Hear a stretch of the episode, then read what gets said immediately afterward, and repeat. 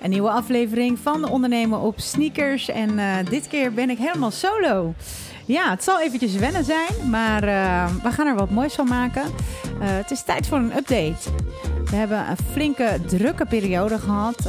onder andere persoonlijk heb ik veel activiteiten die ik onderneem. En ik dacht, het wordt tijd voor um, ja, het verhaal waarom ik nou eigenlijk met ondernemen op sneakers ben begonnen. Het komt natuurlijk wel uh, naar voren, zo hier en daar. En we hebben daar wel eens een podcast over opgenomen. Maar als ik nou gewoon echt kijk naar de kern van waarvoor doe ik het en waarvoor ben ik eigenlijk begonnen. Um, dat is eigenlijk nog nooit echt zo naar voren gekomen. Dus uh, ik ben heel benieuwd of jij je hierin herkent. Maar ik ben, jemig, hoe lang is dat geleden? Ik ben op een gegeven moment begonnen met het, uh, het geven van, uh, uh, van lessen, zeg maar, met personal training bij een bedrijf. Op een gegeven moment, ik had wel al het idee van, goh, ik wil voor mezelf gaan beginnen. Dit was, even kijken, toen ik ben begonnen met opleiding en alles. Dat is een beetje rond 2002, 3 geweest, zeg maar. Dus dat is al een flinke tijd geleden. En ik heb altijd van kleins af aangehad van, goh, ik ben gepassioneerd over alles wat met het lichaam te maken heeft. body en mind natuurlijk, daar komt ook heel veel bij kijken. Ik heb mezelf wedstrijden gaan doen. Nou ja, weet je, dat hele riedeltje, dat, dat kennen jullie allemaal wel. Eh, maar als ik dan ook gewoon echt kijk naar wat is nou de reden geweest, hè, want dat is de basis voor mij, waarom ik met wedstrijden uh, aan de slag ben gegaan, was dat toch een, um, een vorm van erkenning. En ik denk dat dit, uh, dit heb ik eigenlijk pas later pas ja, echt ontdekt van, nou oké, weet je wel, waar, waarvoor doe ik het nou eigenlijk? En dat komt meer omdat je dus ja, met, in, tijdens gesprekken, zeg maar, met mensen, hè, waarom doe je nou eigenlijk wedstrijden? En dan werk je ergens naartoe en dan win je nog eens wat. En ja, het is ook een stukje erkenning waar je op zoek naar bent, een stukje... Uh, kijk, uh, kijk eens wat ik kan. Uh, ik kan het ook wel alleen. Ik, ehm, ik heb een hele mooie jeugd gehad, maar ook zeker wel uh, ja, met pittige tijden, zeg maar. Uh, zonder daarin te veel in details te treden, kwam het er eigenlijk wel op neer dat ik ook gewoon uh, wilde laten zien. Ik was heel zelfstandig al vrij vroeg. En ik trok me dan ook altijd wel terug. En dan trok ik me ja, in, in de bubbel van het trainen, de connectie opzoeken met mijn lichaam. En dat was ook een uitlaatklep voor mij. En uh, omdat ik merkte, zeg maar, wat dat allemaal met mij deed. Um, uh, wat dat voor mij betekende, zeg maar. Dat ik gewoon eventjes, ja, uit de, ik noem het eventjes, grote mensenwereld. Want ik was, uh, ik was altijd al met sport bezig, zeg maar, op de basisschool ook. Uh, en, en ja, uh, op dat moment kan je alles eventjes vergeten. Helemaal in je lichaam en in je kopje kruipen. Maar je kopje dus wel uitzetten. En um, ja, heel zelfstandig. Um, die erkenning.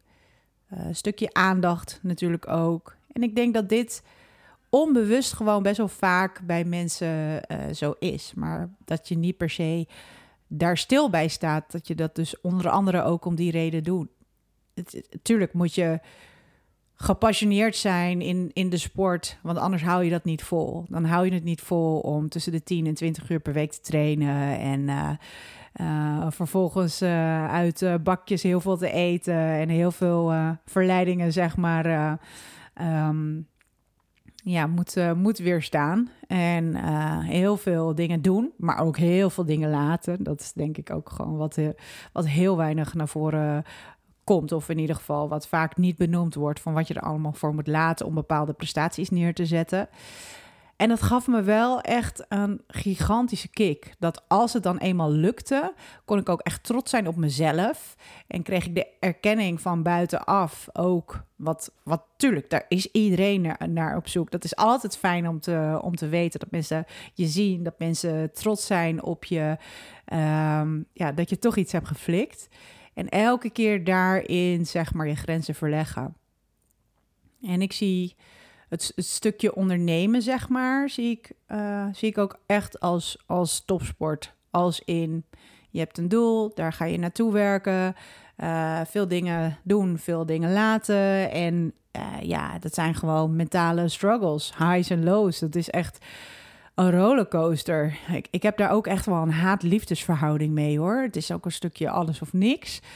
Ehm, ik vind het heel moeilijk om dan, ja, met minder genoegen te nemen, zeg maar. Ik heb, kijk, dat heb ik echt moeten leren.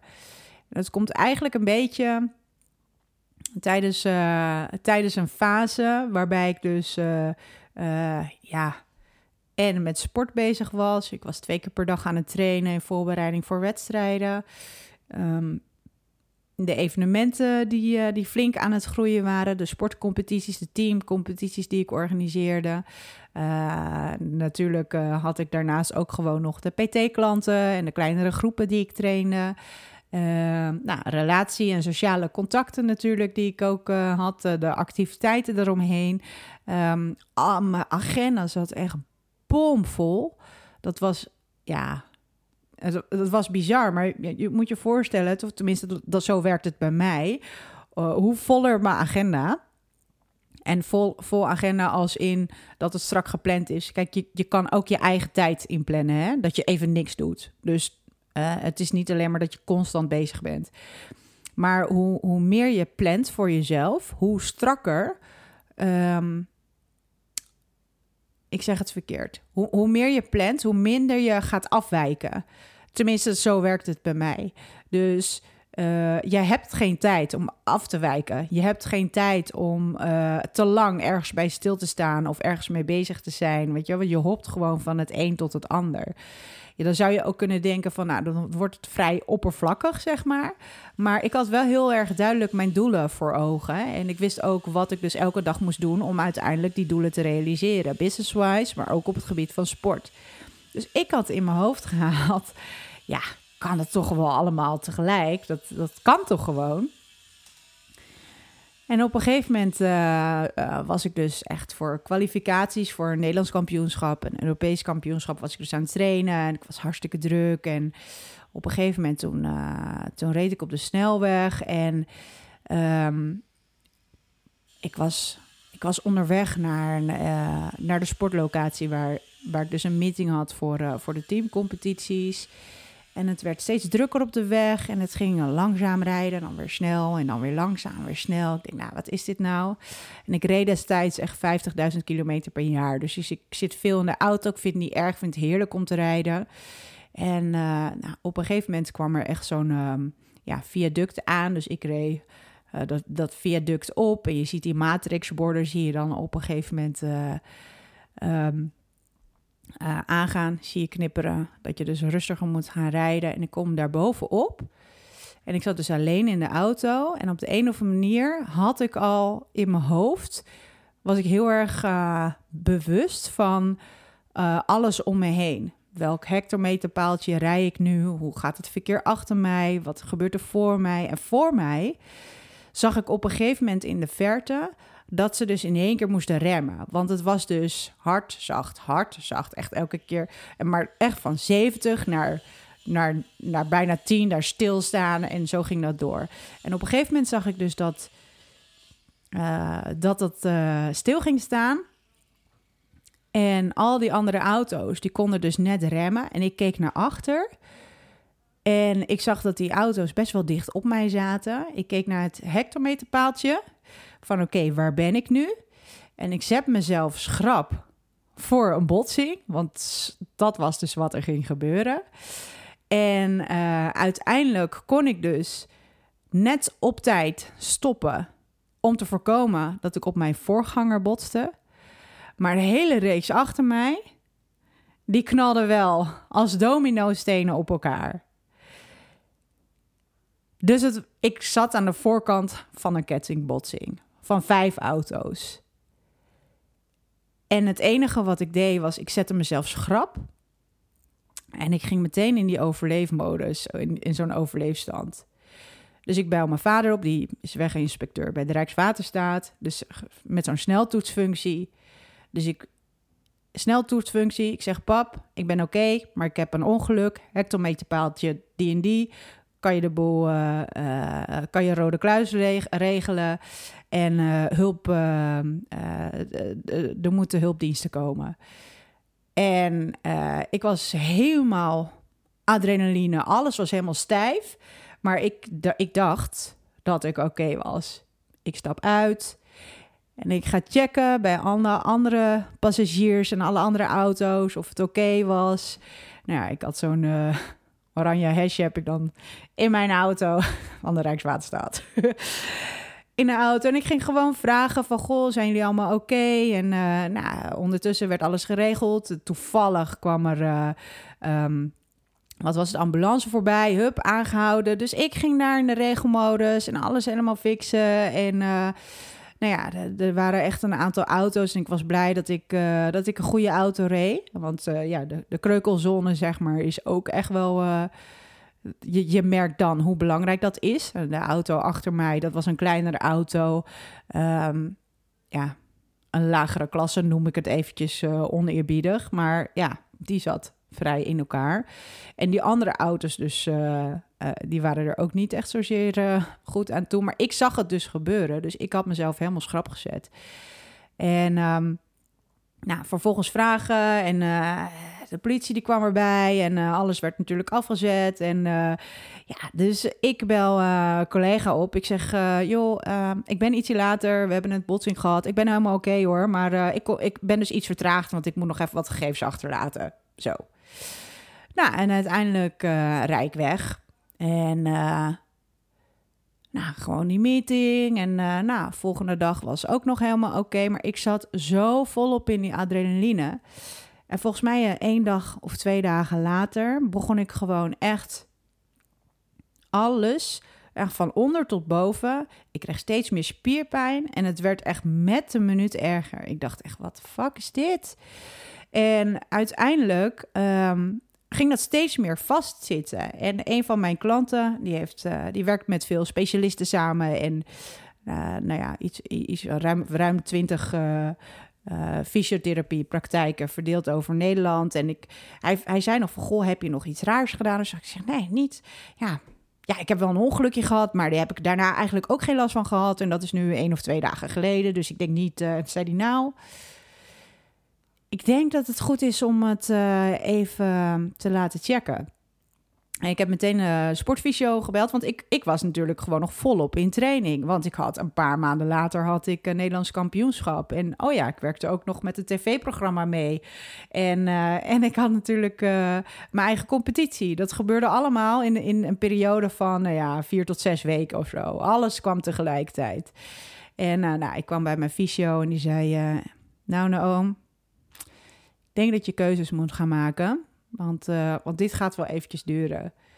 En ik dacht echt, nou, ho hoezo dat dan? Ik bedoel, als die pijn straks voorbij is, dan kan ik toch gewoon wel weer trainen. Nou, ik dacht echt van, wat is dit? Eerst dacht ik, ik ga laten zien dat het me gewoon gaat lukken. En met de dag werd het vertrouwen minder. En het kwam dus door het feit dat mijn lichaam echt helemaal van slag was. Mijn hoofd was nog meer van slag. Dus ik had niet meer de connectie met mijn, met mijn lichaam en met mijn, uh, met mijn hoofd. Ik, ik voelde niet meer. Ik was nam. Maar ik was echt. Ik werd steeds emotioneler. Ik kon niks meer hebben. Dus op het moment dat mijn partner dan zei of ik even een boodschap wilde doen of even de wassen wilde doen, dan, dan begon ik spontaan te janken, want dat was al te veel.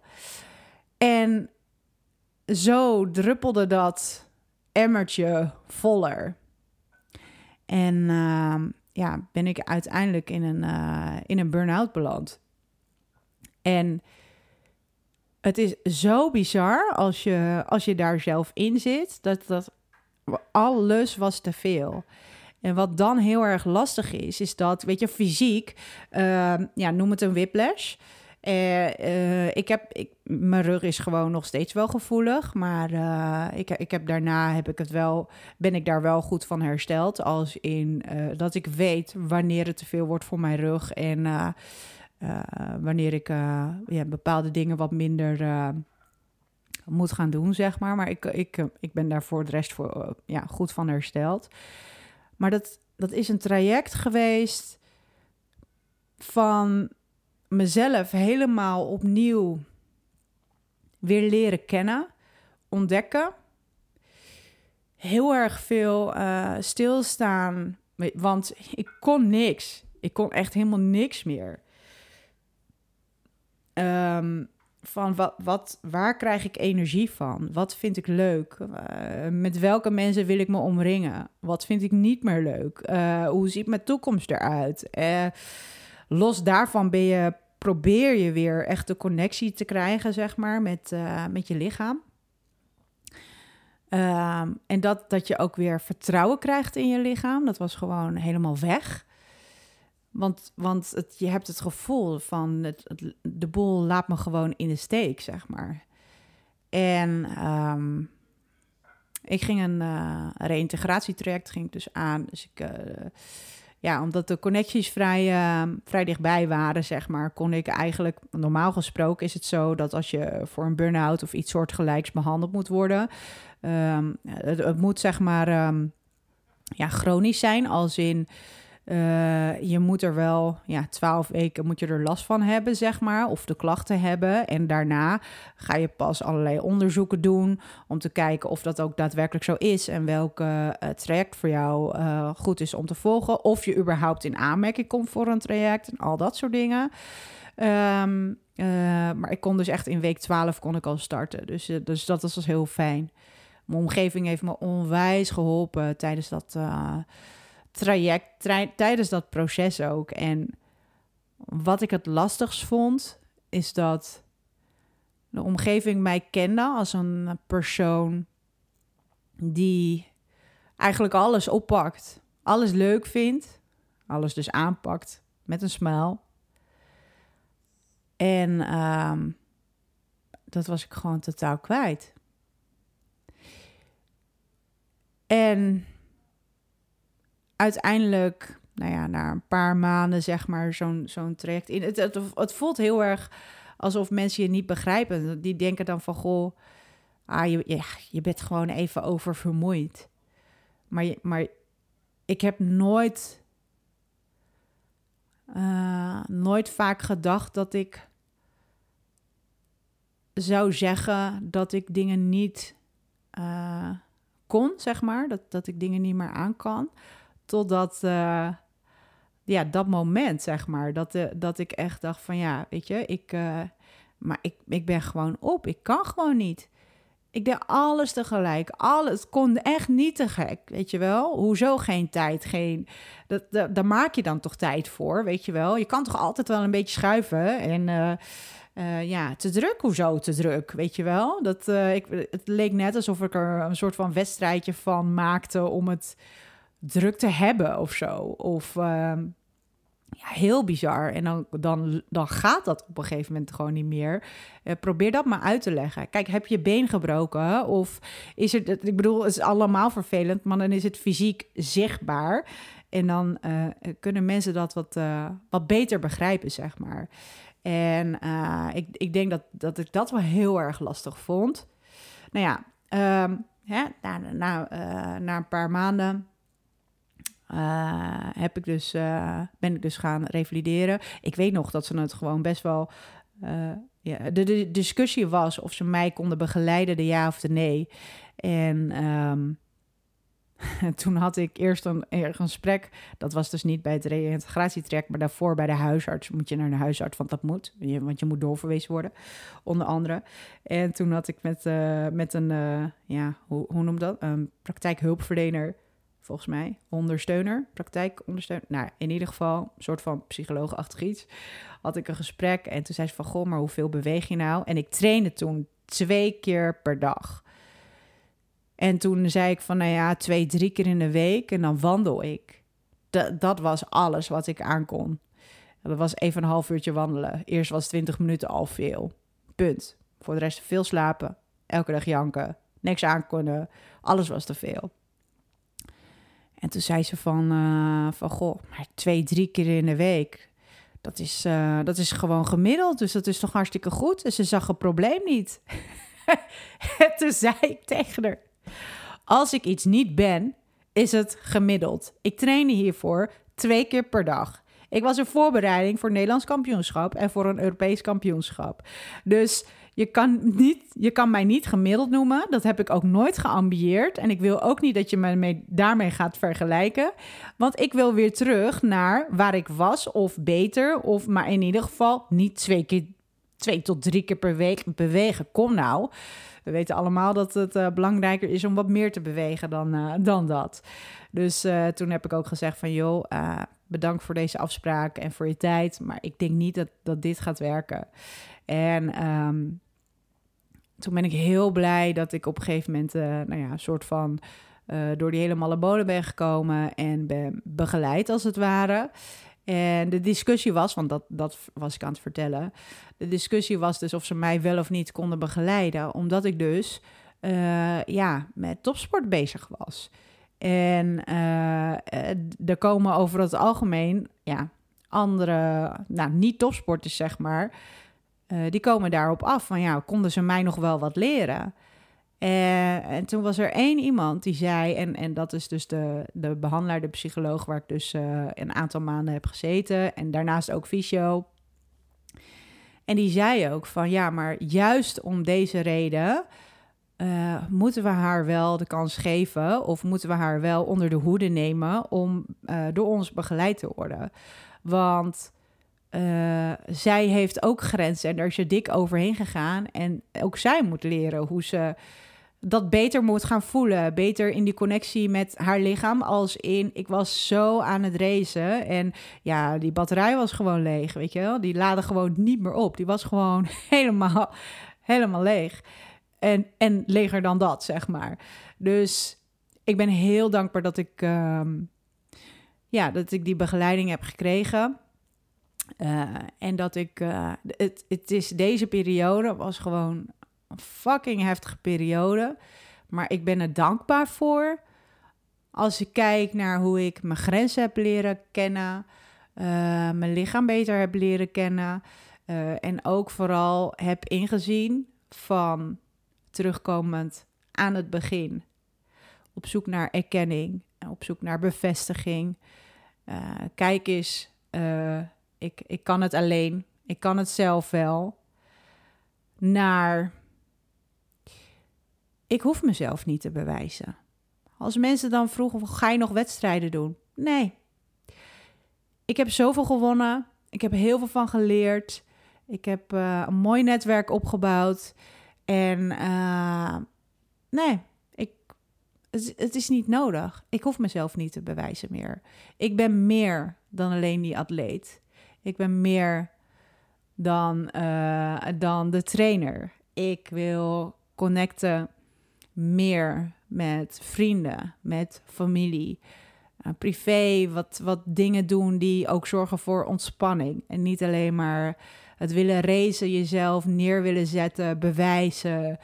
Die, die periode heb ik gehad. Weet je, dat uh, het is genoeg. En tuurlijk heb ik, dat, uh, heb ik die ambities nog? Tuurlijk vind ik het tof om iets te creëren. Maar het is veranderd. Het is niet meer zo dat ik iets wil realiseren om te laten zien dat ik het alleen kan en dat ik het um, dat ik iets kan. Uh, een stukje erkenning en bevestiging ik heb gewoon echt veel meer gezien hoe waardevoller het is om te connecten met mensen en mensen te verbinden. Uh, en sport verbindt mensen.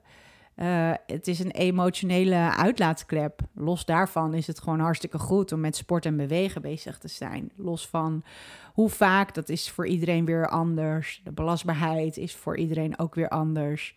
Ook weer in verschillende fases is het ook weer anders. Maar ik heb gewoon veel meer gezien dat het zo belangrijk is en zoveel mooier om in plaats van dingen alleen te doen, om het samen te doen. En dat is eigenlijk waarom ik wedstrijden ben gaan organiseren. Teamwedstrijden. Juist die teamwedstrijden. Want ik heb gezien als individueel atleet bijvoorbeeld om op de European Regionals te staan. Nou, zie het als een uh, Europees kampioenschap van CrossFit. Ehm, en toen zag ik ook die teamwedstrijden. En toen dacht ik, wauw, dit is vet. Want als ik kijk naar... Heb ik heel veel plezier gehad met het trainen? Al die uren alleen in de gym.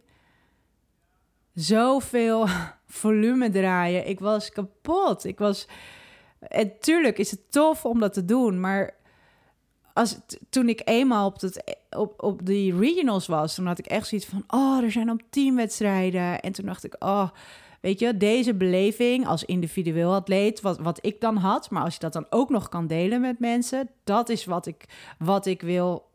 Uh, organiseren voor mensen die niet in staat zijn of niet het niveau hebben om op een internationale competitie te staan. En, ehm, en, dat wilde ik gaan creëren. En toen ben ik dus uh, ja, zelf geen wedstrijden meer gaan doen, maar ik ben het gaan realiseren voor andere mensen. Want er zijn heel veel competities. Maar er is maar een x-percentage is, is die topsporter, is die elite. Die, die kan dat behalen om op een EK te staan of wat dan ook. En die beleving, die zetten we nu met de Enjoy League neer. En dit stukje is nog dichterbij gekomen voor mij. Als in we hebben net een evenement gedraaid. Uh, september hebben we weer een evenement. We zijn er 2,5 jaar uit geweest. En uh, uh, de, de focus gaat, gaat, gaat zich verschuiven naar... Ehm, we gaan die atleten volledig in de watten leggen. Alsof ze een elite-atleet zijn. We gaan er nog, nog meer de focus op leggen. Ik kijk er zo naar uit. En het team het team waarmee ik samenwerk voor de Enjoy League is echt fantastisch. Ze zijn allemaal gepassioneerd. Ze hebben allemaal het beste met het evenement voor. De sfeer tussen de, de mensen met wie ik samenwerk en de atleten, de partners met wie ik samenwerk, is echt fantastisch. En dat, uh, dat doen we nu sinds um, ehm, 2013. En ik ben steeds meer waarde gaan hechten aan uh, het samenwerken met een team. En als je kijkt naar het personal training stuk, wat ik al die jaren door heb gedaan. Nou ja, laten we zeggen vanaf 2003 ongeveer. Ik ben zoveel alleen op de weg. Ik heb hele mooie connecties met mensen. Maar je rijdt, je begeleidt mensen. Je gaat weer naar een andere locatie. Je gaat weer mensen begeleiden. Je kan niet als je heel veel onderweg bent, heel veel mensen begeleiden. Dat is ook nooit mijn ambitie geweest. Ik, ik heb altijd gewoon uh, um, ja, een aantal mensen, maar dan goed begeleiden. In plaats van waar ik dan bang voor zou zijn, is als ik heel veel mensen zou begeleiden, dat het dan een nummertjes draaien, workoutjes draaien zou worden, zeg maar. Ik noem het even oneerbiedig lopende bandwerk. Ja, dat is dat is niet mijn, uh, mijn ambitie, zeg maar. Ik vind het heel knap als je dat kan. Elke keer jezelf opladen. Uh, nu is het voor mij ontspannen. Voor mij is het leuk om. Het is het altijd geweest om lessen te draaien om uh, plezier in het sporten tijdens wedstrijden, maar ook tijdens de trainingen die ik geef. Een stukje plezierbeleving is voor mij, en dat is eigenlijk ook waar de naam Enjoya voor staat, dat, dat is iets wat, wat zo enorm belangrijk is. Want je kan heel veel dingen technisch goed doen of uh, volgens bepaalde periodiseringen, maar als de, de, plezierbeleving er niet in zit, dan hou je het gewoon niet vol. En um, uh, ik, hetgeen wat ik gemist heb in, ja, ik heb, ik heb heel veel uren alleen getraind, maar dat was echt niet altijd leuk. En soms moest ik ook mezelf motiveren, maar je bent dan een soort van robot. Je doet gewoon wat je moet doen, omdat je weet dat je op die manier alleen maar bij, bij dat doel kan komen. Dus je doet het gewoon, knop om. En mensen zeggen dan ook van, oh, vind ik zo knap. Denk, nou, ik vind niet knap. Ik weet gewoon wat ik moet doen en dat voer ik uit. Ik had overal coaches voor. Dus dat, dat, dat, was, dat vond ik niet knap, zeg maar. Het was gewoon doen. Je moet gewoon aan de bak. Maar een stukje plezier, dat heb ik gemist. En dat, dat heb ik nu zeg maar met het trainen en begeleiden van klanten. Maar ik was wel veel alleen. En ik heb heel veel dingen alleen uitgezocht. Uh, ik heb een keertje een podcast opgenomen over uh, hoe ik ben begonnen. Dat was met een relatiebeding. Concurrentie en relatiebeding. Zo wil je echt niet beginnen. Dus zit je daarin of eh, is de kans er dat je zeg maar op die manier voor jezelf gaat beginnen. Luister die podcast, want uh, daar kan je echt wel wat van opsteken. Maar dat is echt niet tof. Weer alleen. Weer alleen tegen de rest. Tegen een ander bedrijf wat niet eerlijk handelde. En dan doe je alles met de goede bedoelingen en je moet er dik voor dokken. Daar kwam het eigenlijk gewoon uiteindelijk op neer. Maar wat ik toen miste, is. Want we gaan nu dus weer helemaal terug naar het begin. Uh, laten we zeggen 2005 ongeveer.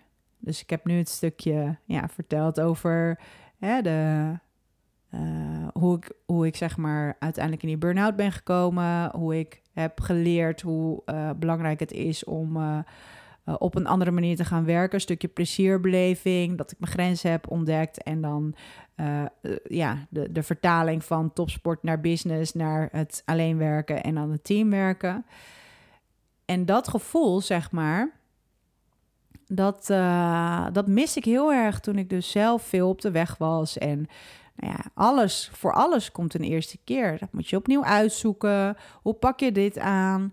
Uh, algemene voorwaarden, simpel, algemene voorwaarden. Of factuurtjes maken, weet je, hoe, hoe, ga je dat dan doen? Destijds was er niet echt veel internet en zo. Websites en hoe kom je aan je klanten? En uh, uh, ga je met de fysio samenwerken of misschien andere specialisten? Of uh, wat is je uurtarief? En ja, als je nou misschien wil gaan uitbreiden met het team, hoe pak je dat dan aan? Wat kan je wel of niet op de zaak zetten? Hoe en wat met verzekeringen? En alles ging ik alleen uitzoeken. En hetzelfde geldt trouwens voor de evenementen. Ik ben daar niet voor opgeleid. Ik ben, ik ben het gewoon gaan doen. En het is voor mij ook wel de uitdaging om het dan uit te zoeken. En dat is hartstikke tof. Maar als ik het nu opnieuw zou doen, zou ik veel eerder, of veel eerder, gewoon meteen, en dat is nu wat ik nog steeds moet leren, dat er tegen mij gezegd wordt, nou, je hoeft het niet alleen te doen, hè? je kan mij hier en daarvoor inzetten. Wat zou je uit kunnen besteden? Aan wie zou je dat uit kunnen besteden?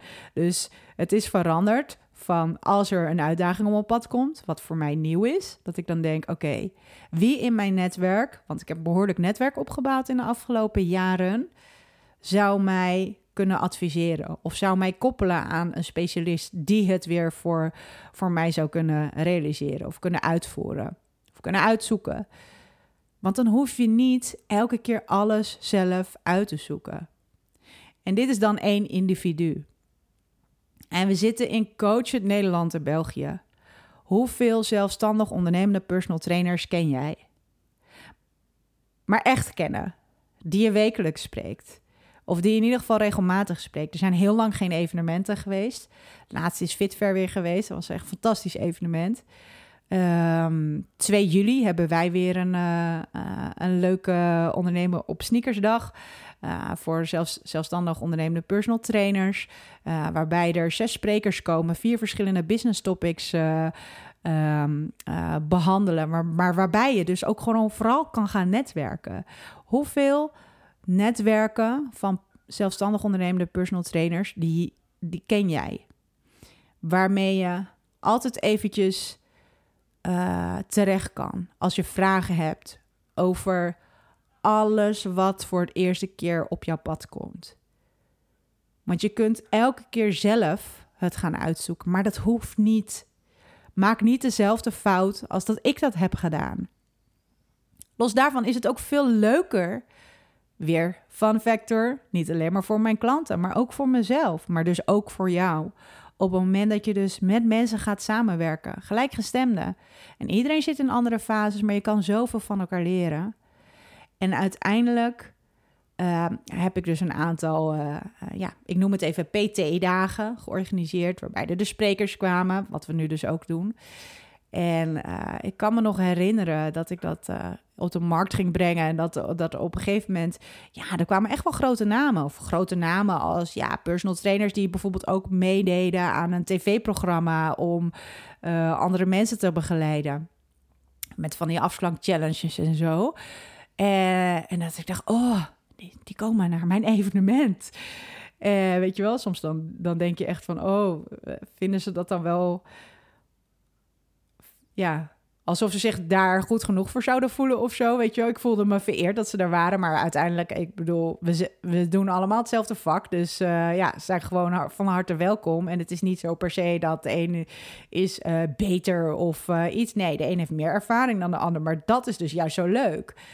En die zei op een gegeven moment tegen van de oom... Ik heb, ik heb een paar keer heb ik dit voorbij zien komen. En elke keer dacht ik, oh ja, ik moet er nog naar kijken. Ik moet er nog naar kijken.